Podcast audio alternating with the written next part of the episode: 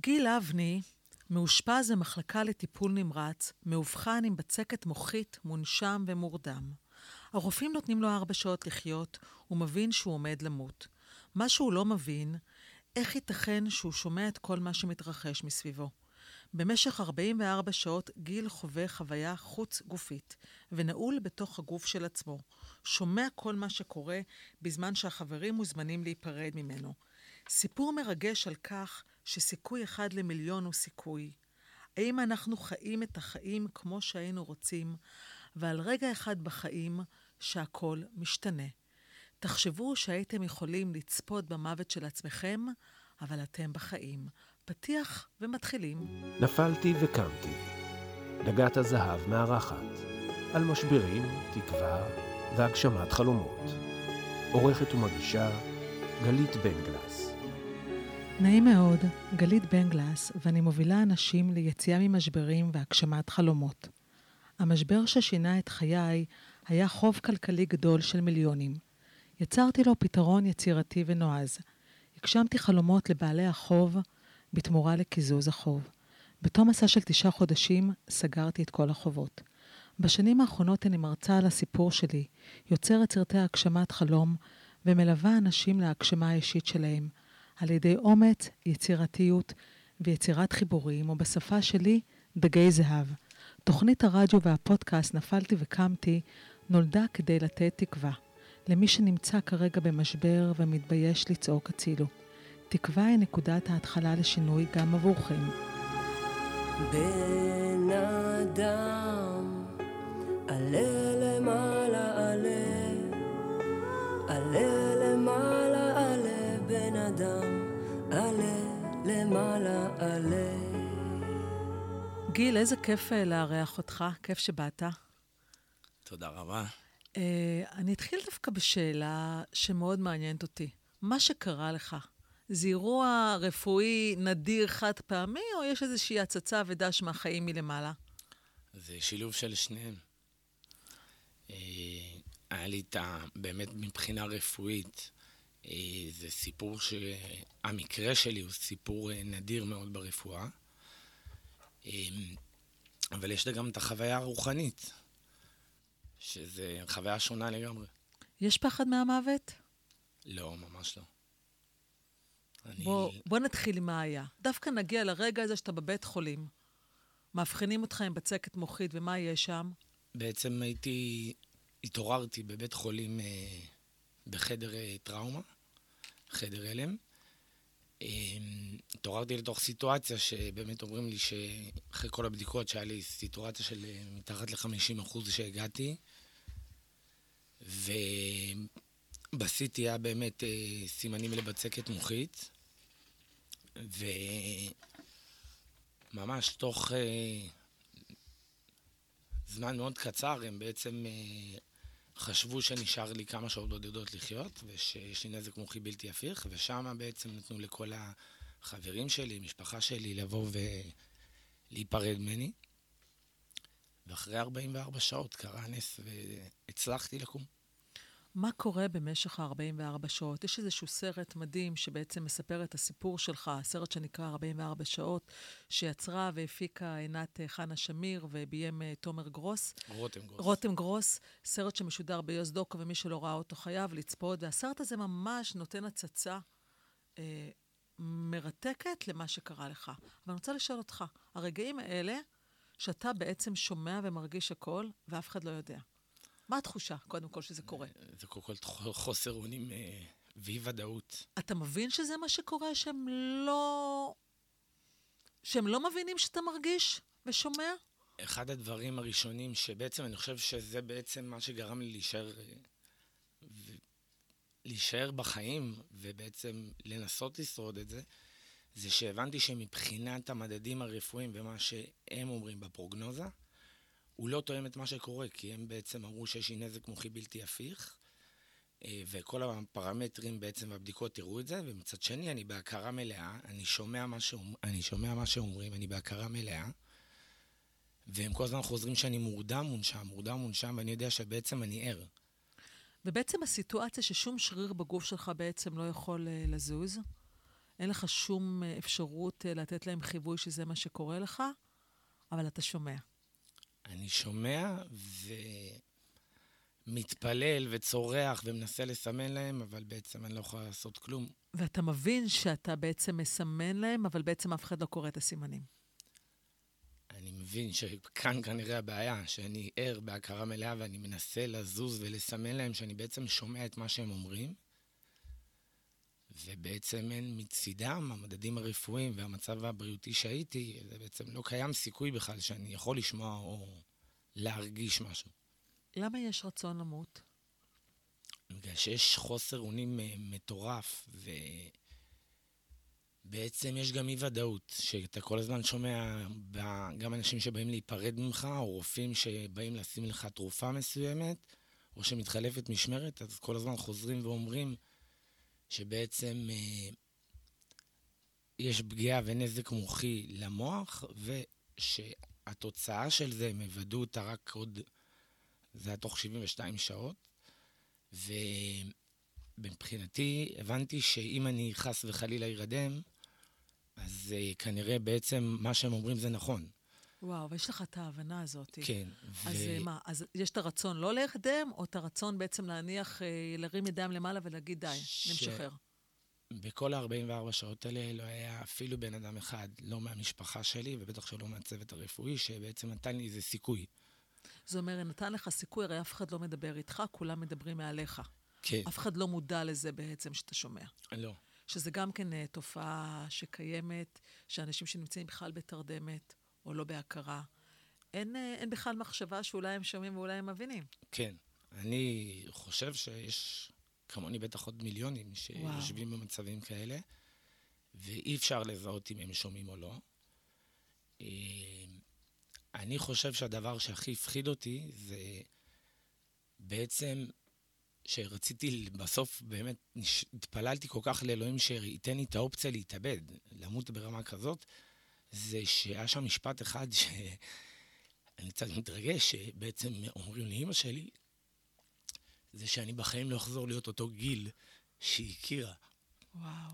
בעצם גם uh, מסירים את התקווה, מתוך ידיעה שגם אם אתה חוזר, לא תהיה תקווה.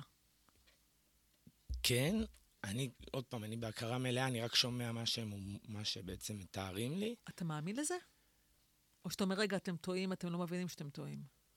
אתה לא במצב של אה, לדעת אם אתה טועה או לא, כי אתה נמצא במצב של, אה, יש חושך, כי אני עם עיניים מודבקות ועצומות.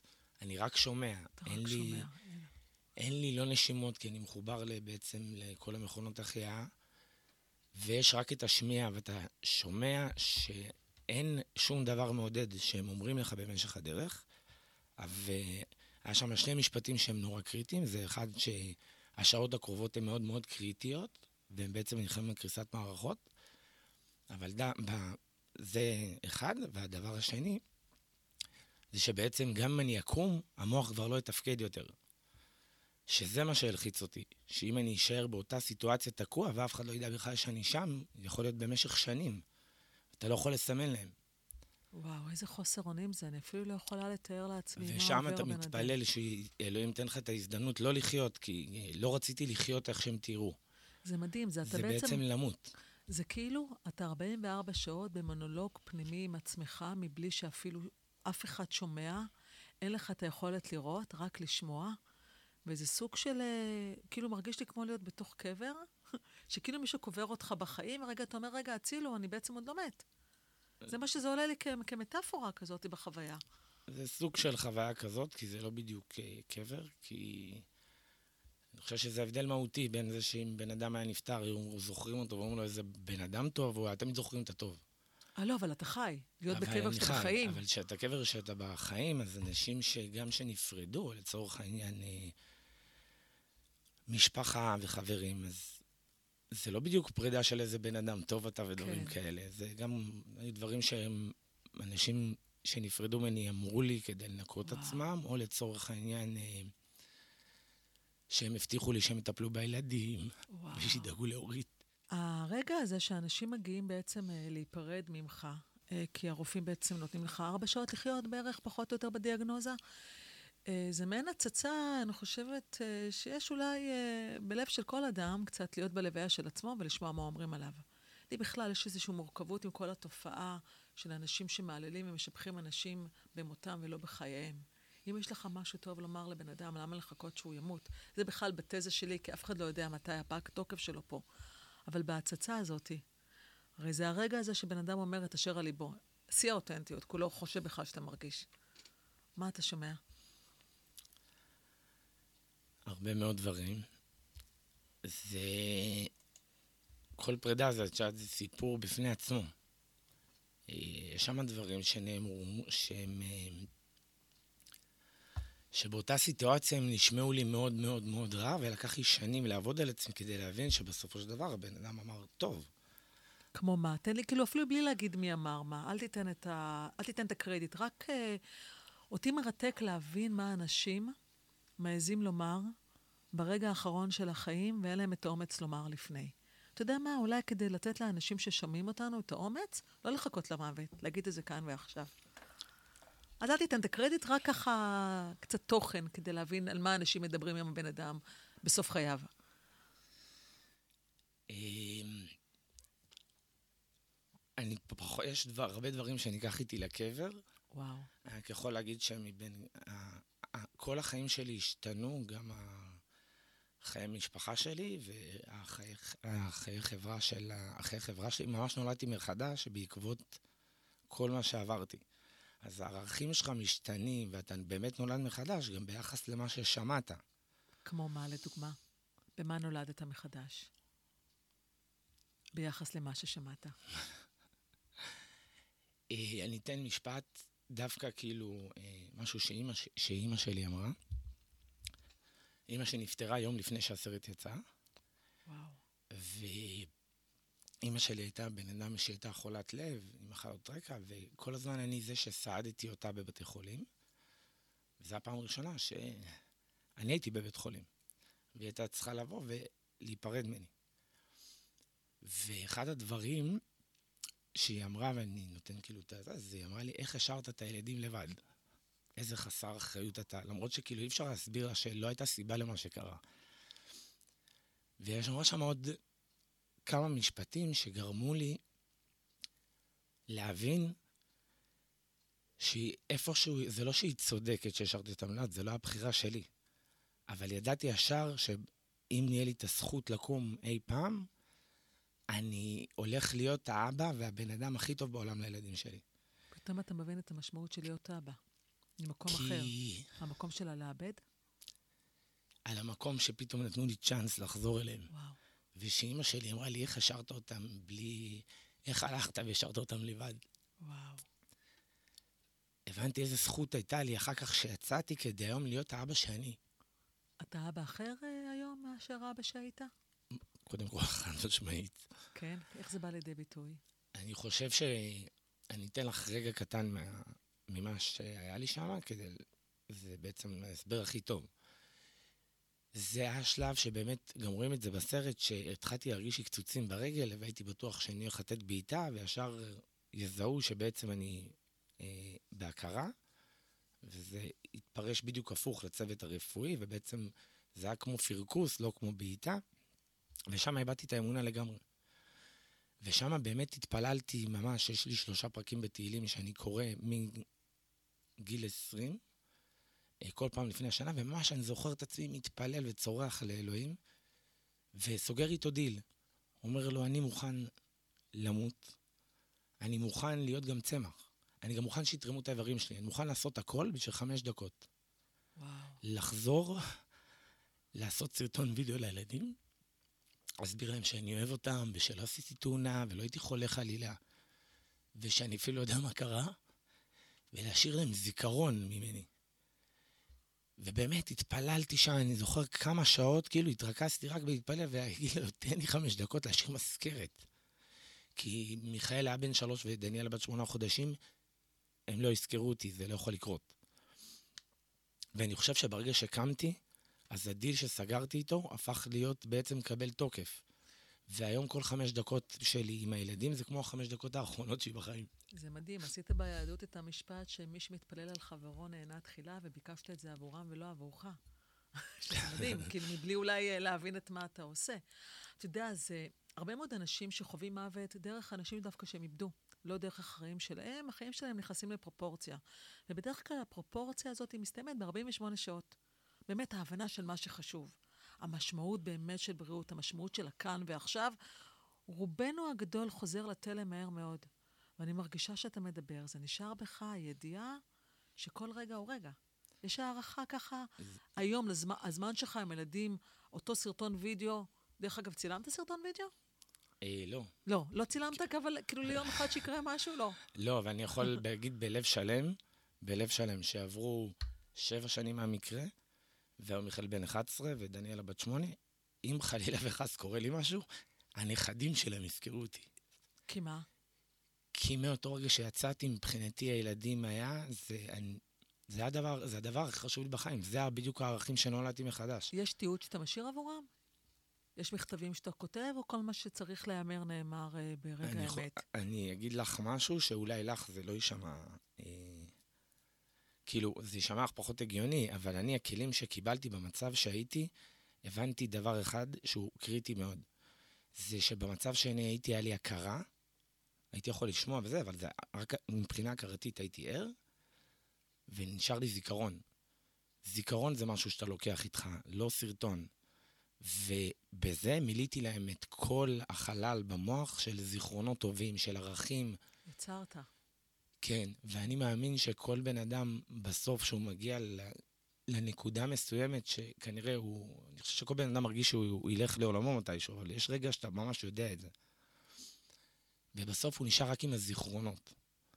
ואני חושב שלילדים שלי הזיכרון הכי טוב זה השהות שלי איתם.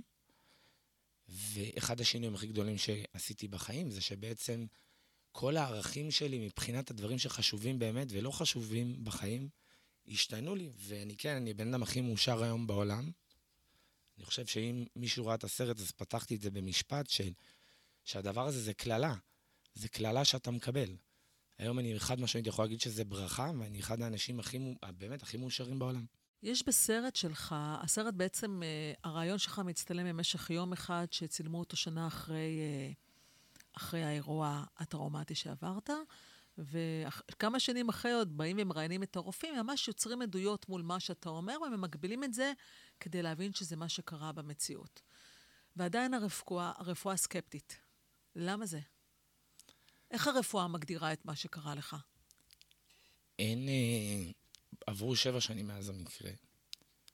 עדיין אין לאף אחד בעצם תיאוריה אפילו למה זה קרה, כי בעצם לא היה טריגר. ישבתי בבית וראיתי משחק כדורסל. ו... כשקמתי, זה קמתי בעצם מסיטואציה נורא נורא נמוכה, עם לישון מורחב, עם uh, אה, CT שמעיד על בצקת מוחית וכל הנתונים שלי היו גרועים, עד הרגע שבעצם הם הבינו שאני ער, לקח קצת זמן, והצלחתי לקחת דף ועט ולהתחיל לרשום. מה המילה הראשונה שרשמת? רשמתי להם ששמעתי כל מה שהם אמרו מילה במילה. מיום חמישי שמעתי את כל מה שהם אמרו מילה במילה. איך הם מגיבים לזה ברגע האמת, לא כמה שנים אחרי? ב- ברגעים ב- האלה שאתה עדיין בבית חולים ואתה חוזר להכרה. אז התחלתי לרשום לשירה. שירה שהייתה אשתך? לא, שירה זו האחות שהעירה אותי. האחות שהעירה אותך, אוקיי. אה, התחלתי, התחלתי לרשום ששמעתי, מיום חמישי הייתי בהכרה מלאה, שמעתי את כל מה שאמרו לי, והיא היא לא הבינה בהתחלה. ואז התחלתי, התחלתי להמשיך לרשום שאני לא רוצה שהיא תקרא לאורית, ו... אורית אשתך. כן. כי לא יכלתי לראות אף אחד, למרות שאורית הגיעה. כי שמעתי את כולם נפרדים ממני. וואו. אף אחד לרגע לא האמין שאני אחיה. ואז פתאום אני הסתכלתי על זה שאני קם, אני שמעתי כל כך הרבה, אבל מצד שני גם הם אמרו. רגע, מה ששמעת גרם לך כעס, גרם לך התרגשות. מה הוא גרם לך? כשאתה לא רוצה לראות אה, מישהו אחרי ששמעת מה שהוא אומר, אה, זה לאו דווקא מהתרגשות. אבל זה לא רק פרידות או משפחה, זה גם כאילו צוות רפואי, וזה אנשים שהכירו את uh, אורית, אז הם הכירו אותי דרכה. כי... בעצם נכנסת לאיזה אמת עורמה שכמעט הבן אדם לא זוכה לה. כמו להיות הכותל. סוג של, גם היה דברים מצחיקים שם, לצורך העניין, בלילות, שהיה את האחיות שם, אז אה, הן מדברות על כל מיני דברים שאני בן, אין לי איזה עומק בלאקים וכאלה, ושמונה שעות היה שם שיחות, אז כאילו, אתה שומע הכל מהכל, אבל בסוף, בפוינט אוף יו שלך קמת, והדבר היחיד, עוד רשמתי את זה לשירה, אז אני רוצה שתרדימו אותי באמת. למה? למה אחרי שאתה קם אתה רוצה שירדימו אותך באמת? כי אתה עייף. אתה עייף ותשוש מנטלית, ואתה גם לא מאמין שאתה חי, כאילו, זה... ממה אתה עייף? זה... ממה? אני חושב שבסופו של דבר מהחוסר, כל דקה שהייתי שם, עם עיניים עצומות ובלי נשימה, זה כמו נצח, נצחים. כאילו, זה להיות כלוא בתוך תהום שחורה. ו... ואז כשאתה שומע, אתה לא שומע דברים טובים, גם אם, זה, גם אם זה הפן הרפואי, או גם אם זה... אתה לא שומע דברים טובים בכלל. יש דברים טובים ששמעת? יש אנשים שבפרידה שלהם אמרת, וואלה, איזה כיף לשמוע את זה? לא, כי הציפייה שלי הייתה אחרת. מה הייתה הציפייה? שמישהו יקרא עליי תהילים. שמישהו יקרא תהילים, ואז מה יקרא בתהילים? זה משהו שהוא חשוב לי. חשוב לך ואף אחד לא ידע את זה. לא יודע, לא ידעו, לא. אבל פעם היום אני גם יכול להבין אותם, וגם אחרי, גם אחרי הסרט, אז גם הקשר שלי עם כל מי שהצטלם, כמו גיא, שירה תמיד הייתי בקשר. שירה אחות. כן, שיר לי גם אני תמיד הייתה בקשר, ודימה וגיא, וכאילו, גם כשאני מדבר איתם אחרי, כאילו. יש איזה רגע בסרט שגיא... אז הם, הם כן. אומרים שכאילו באמת המצב היה שלא לא היה אפשר לתת תקווה. זה מדהים, כי יש רגע בסרט שבעצם אה, מאמתים את גיא מול מה שרק הוא ואתה יודעים. ורק אז הוא באמת מאמין ששמעת. וזה שנים אחרי. זאת אומרת, מתוך זה אני מסיקה, ותתקן אותי אם אני טועה, שברגע האמת שאתה מתעורר, אין באמת הבנה למה קרה פה. אין איזו הפנמה מיידית של המערכת שוואלה, אה, החולה הזה כל מה שחשבתם וכל מה שאתם יודעים, זה לא באמת, זה, זה, זה שינוי בכלל תפיסה. בהתחלה זה שהתעוררתי ורשמתי ששמעתי את הכל, אז כאילו שירה אמרה לי, מה שמעת? כאילו, מה זה שמעתי הכל? ואז התחלתי לרשום שמות של אנשים, רשמתי, היה פיגוע, היה זה. ואת רואה את הפנים שלהם מתחלפות. כאילו, הם היו בהלם, ואז בעצם שירלי, אה, הפסיכולוגית של הבית חולים, הגיעה ישר. אנשים רוצים לדעת, אנשים רוצים לחשוב שיש פה משהו מעבר. או שמחפשים תמיד סיבות מדעיות? רפואה מתייחסת לדברים מאוד בשחור לבן. יש נתונים רפואיים, יש מדע, זהו. הרפואה מתייחסת אליך מה? כן, מקרה רפואי נדיר, אחד לשלוש בעולם? מתוך שלושה מקרים בעולם? כן, אבל זה, עוד פעם, זה לא רק זה, כי גם על זה שזה...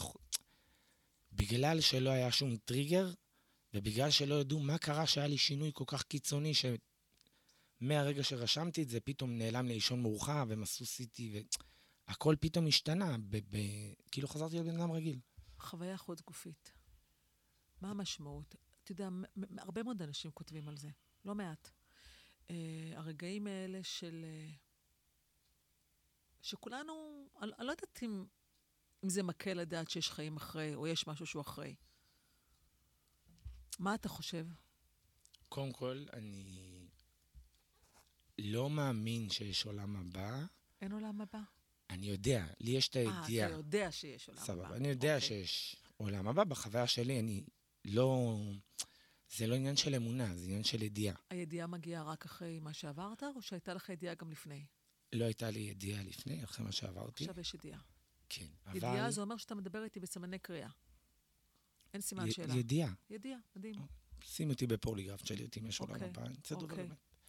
לפחות עוד פעם, במה שאני עברתי. במה שאתה עברת. העניין הוא, ובאמת, זה כאילו הדבר הכי, הכי בעייתי פה בחוץ גופי. שאני, המזל שלי, ואני כל הזמן אמרתי את זה בהתחלה, היום אני, אני לא אגיד את זה, אבל שקיבלתי ברכה ששמעתי את הכל וזכרתי את כל האנשים שהיו לידי ומה הם אמרו. ולעצמי אמרתי שאם אני אספר מה ראיתי, יאשפזו אותי, אף אחד לא יאמין למילה מה שאני אומר. יש את הפחד הזה עדיין, שאנשים יחשבו שאתה מטורף? היום לא. היום כבר לא. היום, כי עוד פעם, כי יש לי ידיעה. כדי לעכל את הידיעה הזאת, לקח לי חודשים להבין שאני לא משוגע, וזה באמת מה שחוויתי. מה זה חציה, מה זה חוויה חוץ גופית? כולנו מתייחסים אליה כאל מושג. תתאר לי אותה במה שאתה חווית. יש, ובכלל בכל השהות שלי שמה, זה התחלק לשניים. יש את החלק הגשמי. הייתי עם עיניים מכוסות, עצמו לי את העיניים, היו אנשים שהיו לידי, זה לא משנה עכשיו אם זה משפחה, או שזה עכשיו אח שמנקה אותי, או מישהו שמחליף לי תרופות. היה לי את השמיעה. והיה הרבה רגעים שכאילו כמו חלמתי, במרכאות, והייתי ממש מחוץ לגוף. וראיתי את הכל, אבל אז בעצם לא היה לי רגש. אם הייתי יכול לנתח דברים עם רגש וזה שהייתי במצב אה, עם עיניים עצומות ששומע, אז זה כזה מין נתק, כאילו זה לא חלק מזה, זה לא עולם גשמי, אני לא יכול לתאר את זה. אני עכשיו אקח, אני ואת ניקח עכשיו עיוור מלידה, תסבירי לו מה זה צבע אדום. את יכולה להסביר לו, יוכל להבין, אין את התובנה הזאת. אתה מבין את זה ברגע האמת שאתה נמצא בחוויה חוץ גופית, או בדיעבד אתה מנתח את זה ככזה? בהתחלה אתה חושב שהשתגעת לגמרי. אוקיי. כשאתה יוצא, אחר כך, כאילו, כשאתה חוזר לחיים, וכבר עוד... אתה מתחיל תהליך של שיקום, סיפרתי כל מה ששמעתי וזה, אז כל הזמן עבר לי בראש, אני גם לא יכול לספר את זה לאף אחד.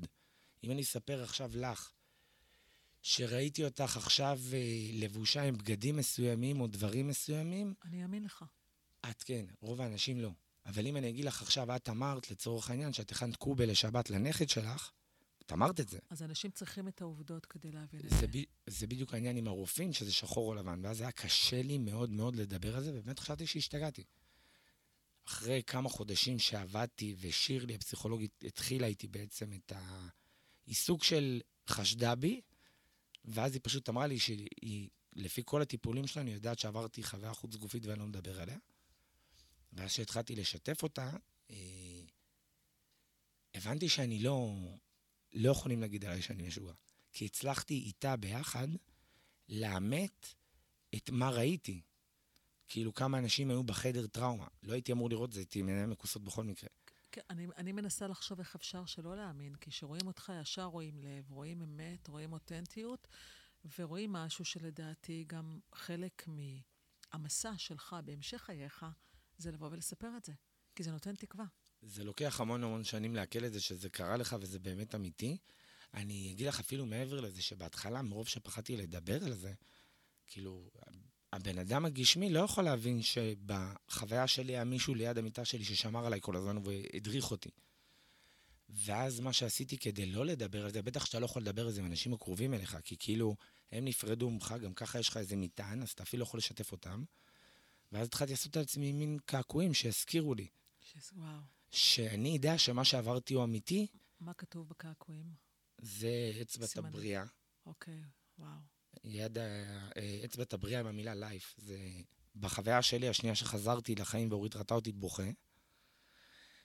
וכל מיני משפטים וסימנים שהזכירו לי שמה שעברתי שם הוא קודם כל אמיתי, ושאני לא... כי בהתחלה מאוד פחד, פחדתי כאילו מהעניין שלה הוא משוגע, או שהוא... זה מפחיד. כן, תמיד אנשים שמקדימים את זמנם ויוצרים את הבשורה שקשה לאנשים להכיל, אה, מסתכלים עליהם כן משוגעים. גם אני, דרך אגב, בדג הזהב, שבאתי עם רעיון של להגשים לאנשים חלומות בתמורה לכסף שהייתי חייבת אליהם, התייחסו אליי חלקם הגדול כמטורפת. באמת, אני זוכרת את התחושה שאנשים חושבים שהג'דננתי. אני אגיד לך, אני חושב שאחד הדברים, קודם כל, זה עכשיו את רואה משהו שאחרי שבע שנים. כן, וזה עדיין קיים בך. שוב, זה פוסט-טראומה שלא עוברת, היא קיימת.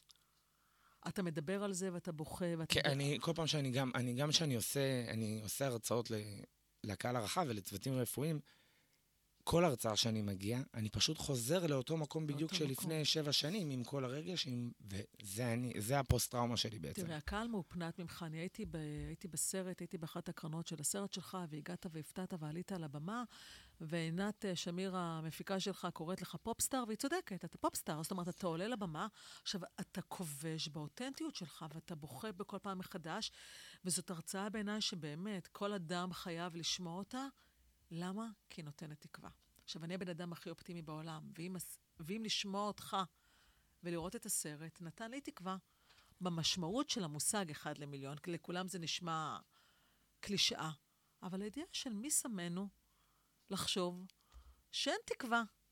העניין של האחד למיליון זה גם עניין של... אה, זה סיכוי. אנשים לא מבינים מה זה וואו, סיכוי סיכוי בכלל. זה המון. זה, זה, זה תקווה הכי גדולה שיש. הכי גדולה. אני חושב שבכל מה, כל האנשים שהיו לידי, התקווה היחידה שקיבלתי זה החולצה של, של סוארז, שהבטיחו לי שאם אני אצא איכשהו בחיים, אז יביאו לי אותה. קיבלת את החולצה הזאת, דרך אגב? היא בוודאי, עדיין אצלך? ברור, אצל אוקיי. עינת. עינת זאת? עינת שמיר. אה, אצל עינת, אוקיי. אה, אני גם רוצה להגיד משהו בכלל, כדי לצאת מזה, את רואה היום אחרי שבע שנים אותי, שאני אני הולך ברחוב ואני שומע אנשים מדברים על הסרט והם לא מזהים אותי, אני בן אדם אחר לגמרי. אתה בן אדם אחר לגמרי. רגע, חשוב לי רגע לעצור את זה. זה מדהים. כי יש את הדמות שלך בסרט, ויש את הדמות שלך בחיים עכשיו, וזה אנשים שונים, בקטע הטוב. זה מדהים. אתה כאילו נבראת מחדש, אתה נראה מאוד דומה למי שהיית, חיצונית, אבל משהו אחר, כאילו, כאילו נכנס, כאילו צד אחר הוער בך. זה- יוצא מישהו אחר מהמסך, זה לא אותו אחד שנמצא אני, במסך. אני יכול להגיד לך שזה אבל משהו שהוא נקודתית. הייתי במצב כל כך נמוך, שיצאתי מהמצב הזה, באמת, במצב הכי נמוך שבחיים, אתה לא מוצא שום סיבה לחיות, גם יצאתי עם דלקת ריאות חמורה, והסיכוי היחידי היה לנסות לחזור לחיות או להתאפס, זה היה רק אה, לתת את כל, כל מי שהציע לי עזרה, רציתי לקחת. וואו, מדהים. ואז כשפגשתי את, את עינת, היא הייתה השינוי הכי גדול, כי היום אנחנו חברים הכי טובים, זה כאילו... עינת היא מישהי זיהתה את, את הסיפור שלך והפכה אותו לסרט בעצם. כן, אבל הדבר המדהים אצל עינת, שהיא... מי שהיה רוצה לשמוע את הסיפור שלי וזה, אז בדרך כלל כאילו קיבלתי מלא הצעות של בוא נעשה סרט, בוא אני אקח אותך, בוא... עינת עשתה את זה בקטע של אידיאולוגיה לחיים. לגמרי. והחברות הזאת, אז היא באמת יכולה להעיד שאיפה הייתי. אני חושב שזה הרבה בזכותה ובזכות אה, האנשים שפגשתי בדרך, שהם לאו דווקא, זה יכול להיות פסיכולוגית או איזה חבר שאתה לא מאמין שאתה יכול להיות חבר שלו, אבל נוצר איזה קשר, ונתתי את כל, את כל המושכות שלי לאנשים כדי... כי ידעתי שאני לא יכול להרים את עצמי באותו זמן. מדהים. והיום, מה שאני עושה, זה... אני יכול להגיד לך, אחרי הסרט קיבלתי אלפי פניות וחזרתי לכולם. היום הדמות שלי, שאני רוצה להיות, זה מה שעינת הייתה עבורי. זה לתת את התקווה והאמונה לאנשים שמהפח, מה, מהכי הכי למטה שלך, צריך בן אדם אחד שבאמת יאמין בך ויראה את זה, והוא יכול להרים אותך באמת למעלה. דיברת על עינת, ועינת נמצאת פה איתנו, ואני רוצה דווקא לשאול אותך, מה זיהית בגיל בהתחלה? תמיד היה לך את ה... אני מכירה אותך גם כמפיקה, ותמיד קראנו לך The Mind, היכולת שלך לראות דברים עוד לפני שהם קורים. אבל היה איזשהו רגע שקשור לסיפור של גיל, שבעצם נתן לך מענה לסיפור האישי שלך. מה היה הרגע הזה? אמ, הסיפור שלי, שפגשתי את גיל, זה היה ממש ממש העובדה שכמה חודשים קודם לכן אבא שלי נפטר, ואני בכל יום הייתי באה לבקר אותו, ואמרו, וואו, איזה מסכנה, מה היא מדברת איתו כל הזמן? מה... מה היא משוגעת, מה היא זאת מדברת? אומרת, דיברת איתו שהוא לא היה בהכרה כבר. הוא לא היה בהכרה, הוא כבר היה לגמרי מחוץ לעניינים, ורק אמרתי לו כמה אבא נפלא הוא היה ואיך הוא הקים את המדינה וככה וככה, ואמרו, "עוד- עוד פעם המשוגעת מגיעה. כל פעם שהייתי מגיעה, עשרה ימים ככה. כי לאנשים, אה, לאנשים אין אמונה. הידיעה שמישהו שהוא לא בהכרה, יכול להיות שהוא שומע, זה בכלל לא קיים לאנשים בתפיסה. לגמרי, הייתי ממש נראית להם מוזרה. ואז פתאום פגשתי בגיל, והוא מתחיל לספר לי את הסיפור שלי, ואני אומרת, יאו, הנה עוד הוכחה שאבא שלי שמע. אני ידעתי שהוא שמע, זה לא היה לי עניין עם זה, אבל הנה הוא שמע, וזה היה פשוט וואו מבחינתי. מדהים. עכשיו, זה בכלל, אני חושבת, מסר לכל כך הרבה אנשים ששומעים אותנו. הידיעה שיש אנשים שהיום נמצאים בבתי חולים אה, עם פגיעות מוחיות. אני מכירה אחד כזה באופן אישי, שדרך אגב, בזכות הסרט שלך אמרתי, וואלה, אחד למיליון בסיכוי זה עדיין סיכוי שמשהו יכול להשתנות גם עבורו. זוכרת, ככה יצאתי מהסרט נרגשת, נרגשת, נרגשת, בוכה, בוכה, בוכה. מתוך הידיעה של הסיכוי. ואני בן אדם סופר אופטימי, ואמרתי לעצמי, וואלה, אין סיכוי. והסרט שלך והסיפור שלך נתן לי את האמונה שזה יכול לקרות. איך זה משפיע היום על היחס? כי אתה הצלחת לשנות את היחס לחולים בבתי חולים בזכות, בזכות הסיפור שלך. איך זה שינה את היחס? אה, קודם כל, שונו כמה, אני עושה הרצאות עוד פעם בבתי חולים, במגזר הרפואי. ובכלל, אתה עושה הרצאות לקהל הרחב, ו- וממש מזמינה אתכם ליצור קשר עם גיל. זה באמת הרצאה שמשנה חיים, שכל אדם בעולם בעיניי צריך לשמוע את ההרצאה הזאת. בכל מקום בעולם. אה, במגזר הרפואי, אה, במקומות שהופעתי, בעצם שינו את הדרכי טיפול באנשים שמורדמים ומונשמים. לצורך העניין בלילה, שמים להם מוזיקה. אה, לא אומרים יותר את הפרוגנוזה לידם, אה, שזה בהחלפות משמרת, כי אם הוא שומע, הוא לא אמור לשמוע את הדברים האלה. אה, אבל אני חושב שהשינוי המהותי, וזה דווקא כן להרצאות לקהל הרחב, אני למדתי בשנים האלה שלפעמים בן אדם לא צריך שייתנו לו עצה. בן אדם צריך שיקשיבו לו. אני חושב שאחרי הסרט, מה שקרה זה שכל ההודעות, בעצם חזרתי לכולם, ואנשים שיתפו אותי בהודעות מטורפות, ובסיפורים אישיים שלהם, באמת, שלפעמים זה... תהיתי לעצמי, כאילו, איך אני יכול לקחת את הסיפורים האלה לעצמי, כי גם אני, כמו שאמרת, באיזה מין פוסט-טראומה. ועירבתי את הפסיכולוגיות שלי, יש לי שתי פסיכולוגיות, שעדיין מלוות אותך? כן. יש את שירלי מהסרט ועוד אה, פסיכולוגית בשם מיכל. ואנחנו בעצם אנשים שפונים אליהם, אני רואה שהדברים הם באמת אה, יותר אה, משמעותיים, אז אני גם מפנה להם שייתנו לי דרך לעזור לאנשים. איך מתמודדים עם הפוסט-טראומה הזאת עבור אנשים שנמצאים? הרי העניין של חוויה חוץ-גופית זה משהו שלא מעט אנשים עדיין חוו. איך מתמודדים עם זה עבור מישהו שכרגע שומע? אותנו ונמצא בסיטואציה הזאת עבור עצמו? אני רוצה להגיד דווקא לא למי ששומע אותנו והוא חווה, אני רוצה דווקא להגיד למשפחה או לאנשים הקרובים שהם לא חוו את זה. נורא קשה לבן אדם לבוא ולספר כזה דבר, כי זה בהתחלה, אתה חושב שאתה משוגע, ואז אתה אומר, לא יאמינו לי, ודווקא הם כן צריכים להכיל את זה, כי המרחק שאנשים תופסים אחורה ומסתגרים בינם לבין עצמם על הדבר הזה, זה מרגיש בדידות, ואני חושב שדווקא אנשים מסביב צריכים להכיל, ונכון, לא כל, לא כל בן אדם יכול לשתף. אבל אם אתה תהיה יותר קשוב, אז הוא יבין את זה והוא כן ישתף, כי בסופו של דבר האנשים האלה רוצים לצאת מהסוד שלהם. אני אתן לך הודעה אחת, אני אגיד לך על זו הודעה אחת נורא מרגשת שהייתה לי, וזה גם הסיבה שאני ממשיך לעשות את הדברים האלה. שאתה ממשיך לספר את הסיפור כן, שלך. כן, כתבה לי מישהי לפני איזה חודשיים, ש... היא חוותה תאונת דרכים וחוויה חוץ-גופית בשנת 98, שבועיים לפני החתונה. וכתוצאה מהתאונה היא הייתה צריכה לדחות את החתונה, וכשהיא יצאה, היא אמרה למשפחה שלה ולבעלה לעתיד, שהיא חוותה מוות חוץ-גופי, והיה אור לבן, והיא ראתה, והיה מישהו ששמר עליה, ו... והם שלחו אותה להסתכלות בשלוותה. וואו. והם דחו את החתונה בשנה. וואו. ולפני חודשיים היא יושבת, רואה אה, באחת התוכניות בוקר שהופעתי, והיא מחליטה שהיא רואה את הסרט באותו רגע, על בסיס הרעיון הזה. היא ראתה את הסרט, ויום אחרי זה כינסה ארוחה משפחתית עם ההורים שלה, כבר יש לה ארבעה ילדים, עם הילדים שלה, עם בעלה, עם כולם. היא הושיבה אותם לראות את הסרט, ויורה לי דמעות שאני אומר את זה, אבל כאילו, בסוף הסרט היא אמרה להם, אני עשרים ומשהו שנים מרגישה משוגעת. אתם המשוגעים. וואו. כי הוא ההוכחה שלי שאני עברתי בדיוק מה שהוא עבר. תבין את המקום הזה של להשמיע את הכל בכלל, שזה בכלל מסר לכל כך הרבה אנשים. ובגלל זה אני אומר שלהיות קשובים, זה כל כך קשה להוציא את הדבר, את הסוד הכי גדול שלך, שגם ככה יש לך, בינך לבין עצמך, אתה לא באמת ברור עליו בהתחלה, לוקח זמן לעכל את זה. זה מעבר ללהיות קשובים, גיל, זה להשמיע את קולך. וזה חלק מהשליחות שלך, זהו, אכלת אותה. זה להמשיך להשמיע את הסיפור שלך, ולקבל גם בקהל עיניים סקפטיות ועיניים שיגידו, וואלה, הוא משוגע, כי תמיד יהיו את העיניים האלה. אבל לדעת, אבל לדעת עדיין, שהסיפור שלך יכול להציל חיים של אנשים. זו הסיבה שאני באמת ממשיך את זה ו... תמיד, גם אם קשה וגם אם מההתחלה, עכשיו, זה מעבר לעניין הרפואי. הידיעה שיש למישהו איזשהו קול אחר בעולם הזה. והקול הזה לא מסתדר לכולם בסדר בראש, כי קשה לנו להכיל דברים שהם אחרים. והקול הזה שלך צריך להמשיך ולהישמע.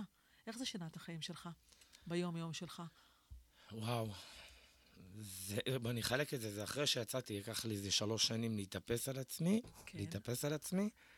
ונולדתי... זה לוקח את הזמן. נולדתי מחדש לגמרי. מה זה אומר, אה, ליבי? הערכים שלי השתנו. מה הערכים שלך היום? היום זה משפחה, שזה כן. הילדים שלי, כן. הבת זוג שלי. כן. אה, הטוב והמסר שאני כן עושה, גם אם קשה, אני תמיד בטוב. אני יודע להעריך דבר אחד שהמון אנשים לא יודעים, זה את הדברים הקטנים של החיים, כמו שקיעה, כמו כוס קפה בבוקר, דברים שהם, את לא יכולה לשים לב אליהם ביום-יום בחיים. אני נהנה מהם, כי זה מתנות שבעצם הטבע נתן לי. ו... זה ממש שאלת החושים שלך, ממש בלייצר הודיה. פחות מעניין הרדיפה החומרית והריצות, ואני כל פעם אומר, זה בדרך כלל נשים מבוגרות שבאות להרצאה, אני אומר לה, מה אני צריך לחכות שיהיה לי נכדים כדי ליהנות? יש לי ילדים, אני נהנה מהם עכשיו. ובסופו של דבר גם התגרשתי. סתם, רק לגבי הגירושים, משהו שהוא מעניין. יש רגע נורא מרגש בסרט, שבעצם מבינים שאשתך רואה ש... שיורדות הדמעות שלך, וזה דמעות. ואם יש דמעות, אז יש מצב שאתה מבין מה שקורה, ובזכות זה שהיא רואה שזה דמעות, אה, מבינים ש... שצריך אולי להעיר אותך. שבמובן מסוים היא קצת אה, עזרה לזה שאתה פה איתנו היום. היא לא במובן מסוים ולא קצת. היא זאתי. היא המון. המון. היא הראשונה שהצילה אותי, גם היא זאת שחזרה הביתה וראתה אותי אוקיי. בעצם במצב הזה. והתגרשתם. כן. אוקיי. איך זה? זה, אני עוד פעם, הרבה פעמים גם שואלים אותי בהרצאות, כן. או אחרי הסרט שהוא כן. מוקרן, אה, אם התגרשנו בגלל הדבר הזה? בזכות. אז אני אומר שזה בזכות הדבר הזה. כי השתנועד מחדש, אני עוד פעם, זה, אנחנו גם בקשר טוב, כן, ואני אוהב אותה, היא חברה טובה, אבל uh, בסוף אתה רוצה לחיות מאושר כן. כמו שאתה רוצה. וזה חלק מלגלות את החיים שלך מחדש. כן. מה החלומות לך... שלך? Uh, קודם כל, החלומות שלי שזה תמיד להשפיע לטובה.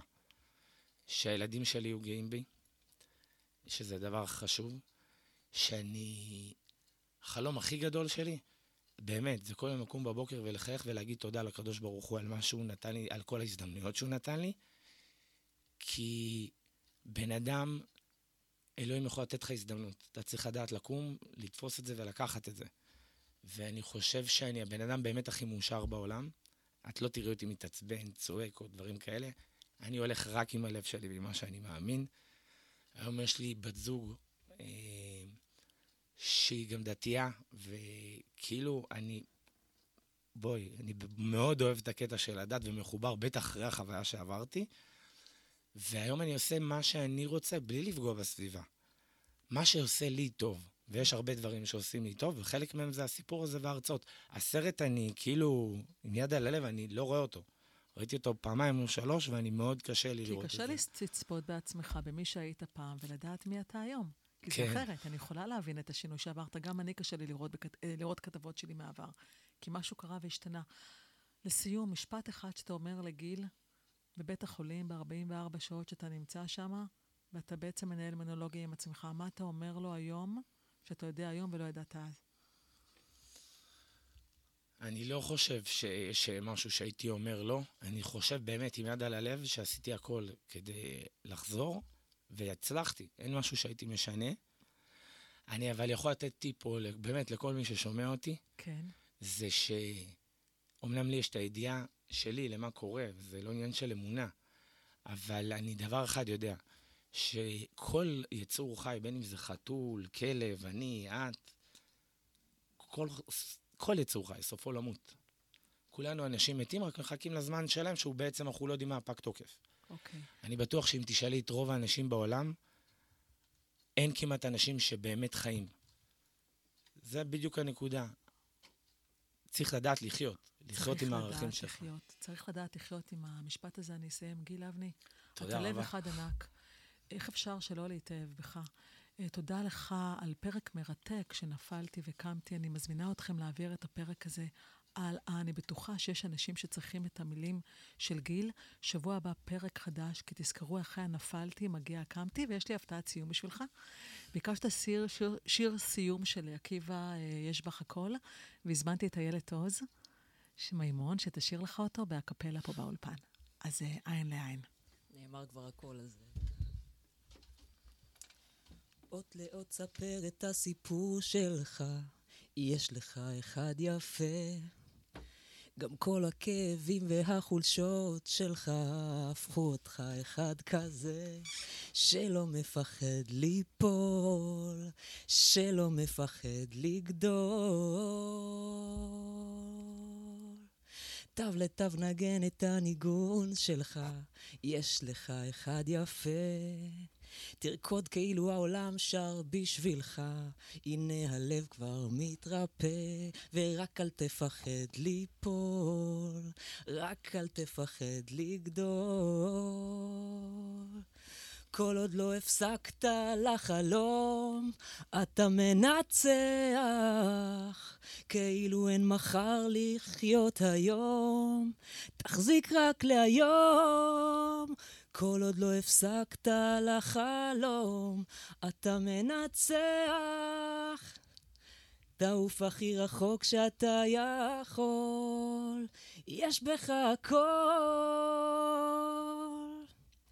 קח מכחול צייר את הציור שלך, יש לכם אחד יפה, ואין שום דבר שיעצור אותך, תפליג לאן שרק תרצה, רק אל תפחד ליפול, רק אל תפחד לגדול.